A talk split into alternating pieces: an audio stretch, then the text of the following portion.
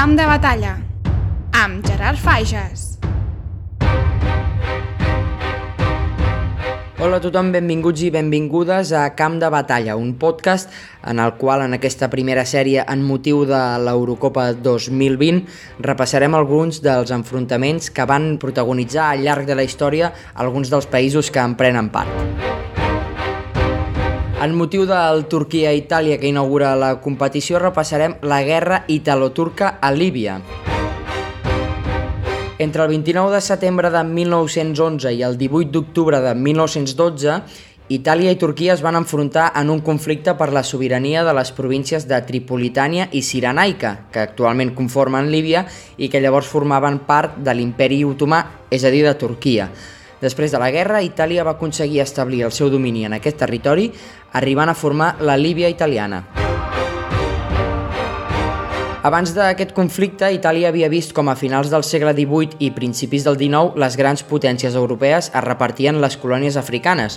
A més, Itàlia havia intentat apoderar-se de Tunísia en un conflicte amb França que va acabar amb derrota italiana. Així que els italians, que tenien aspiracions de crear el gran regne d'Itàlia, van fer un culo veo, culo quiero i es van fixar en les possessions turques del nord de l'Àfrica per poder tenir allí la seva colònia. L'imperi otomà, per la seva banda, estava desgastat després de diversos enfrontaments amb Rússia, així que Itàlia va decidir que seria senzill conquerir Tripolitània i Cirenaica, ja que la decadent Turquia llavors oferiria poca resistència. A més, Itàlia tenia una economia totalment sanejada i un exèrcit prou potent com per pensar que l'ocupació seria un passeig militar. Spoiler, no ho va ser. El 28 de setembre de 1911, Itàlia va anar a Turquia i li va dir «Escolta, em sembla que es prepara una rebel·lió a les províncies de Tripolitània i Cirenaica. Jo no crec que tu hi puguis fer front. Què et sembla si ocupo el territori i ja me'n faig càrrec jo?»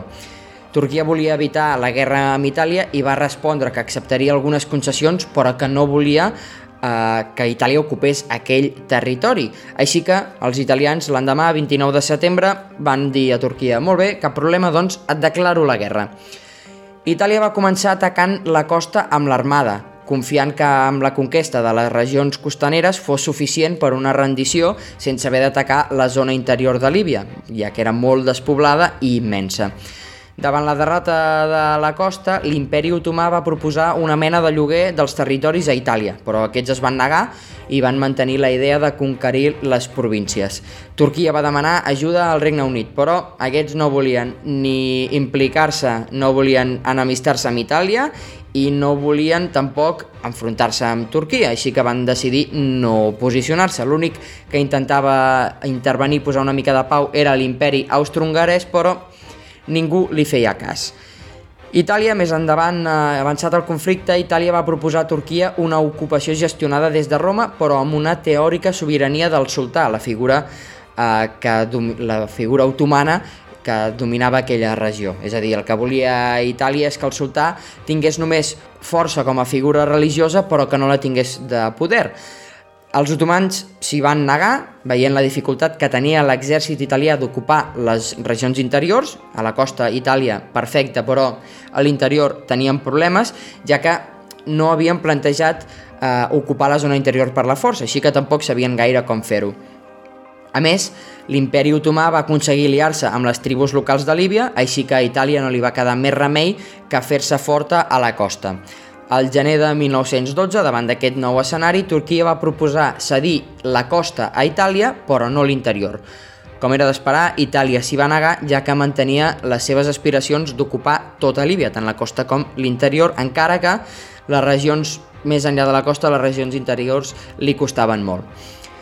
Fins a aquell moment, les grans potències com Alemanya i l'imperi austro-hongarès no s'havien posicionat, bàsicament perquè volien enemistar-se, no volien enemistar-se amb Itàlia, però tampoc volien que una derrota turca desencadenés una altra guerra als Balcans, un territori fronterer amb Alemanya i l'imperi austro-hongarès i que també estava sota el domini de l'imperi otomà. Spoiler, la Lliga Balcànica, formada per Sèrbia, Montenegro, Grècia i Bulgària, va declarar la guerra a Turquia el 8 d'octubre de 1912. Això va ser la salvació per a Itàlia, que va amenaçar l'imperi otomà en atacar l'interior de Líbia si no rendien. Aprofitant que hi havia un nou front als Balcans, va dir «Eh, rendiu-vos que no podeu tenir dos fronts oberts. Finalment, i caient en aquesta lògica aplastant, Turquia va veure que no podia mantenir dos conflictes i va decidir rendir-se el 15 d'octubre de 1912 i va cedir tota Líbia a Itàlia. El domini italià a Líbia va ser més aviat curt, ja que amb l'esclat de la Primera Guerra Mundial al 1914 l'exèrcit ocupant va haver de tornar a Itàlia. Aprofitant que les tropes italianes van reduir molt el seu nombre, la seva presència, els sanusis, o autòctons de Líbia, es van fer amb el govern legítim.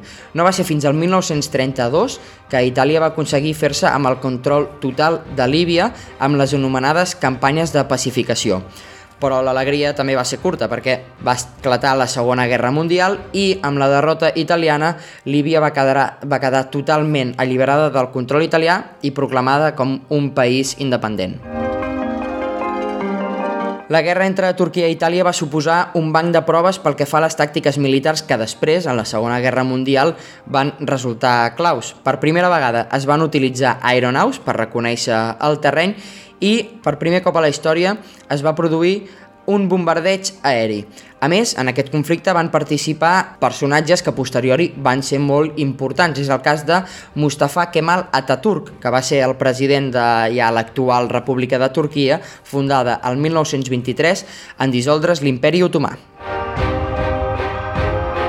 Fins aquí aquest primer episodi en el qual ens hem, ens hem centrat en la guerra italo-turca a Líbia, una guerra que va fer que les províncies de Líbia passessin de mans turques a mans italianes fins que després de dues guerres mundials van aconseguir eh, independitzar-se i formar-se com a país. Moltes gràcies a tothom, ens escoltem en el següent episodi.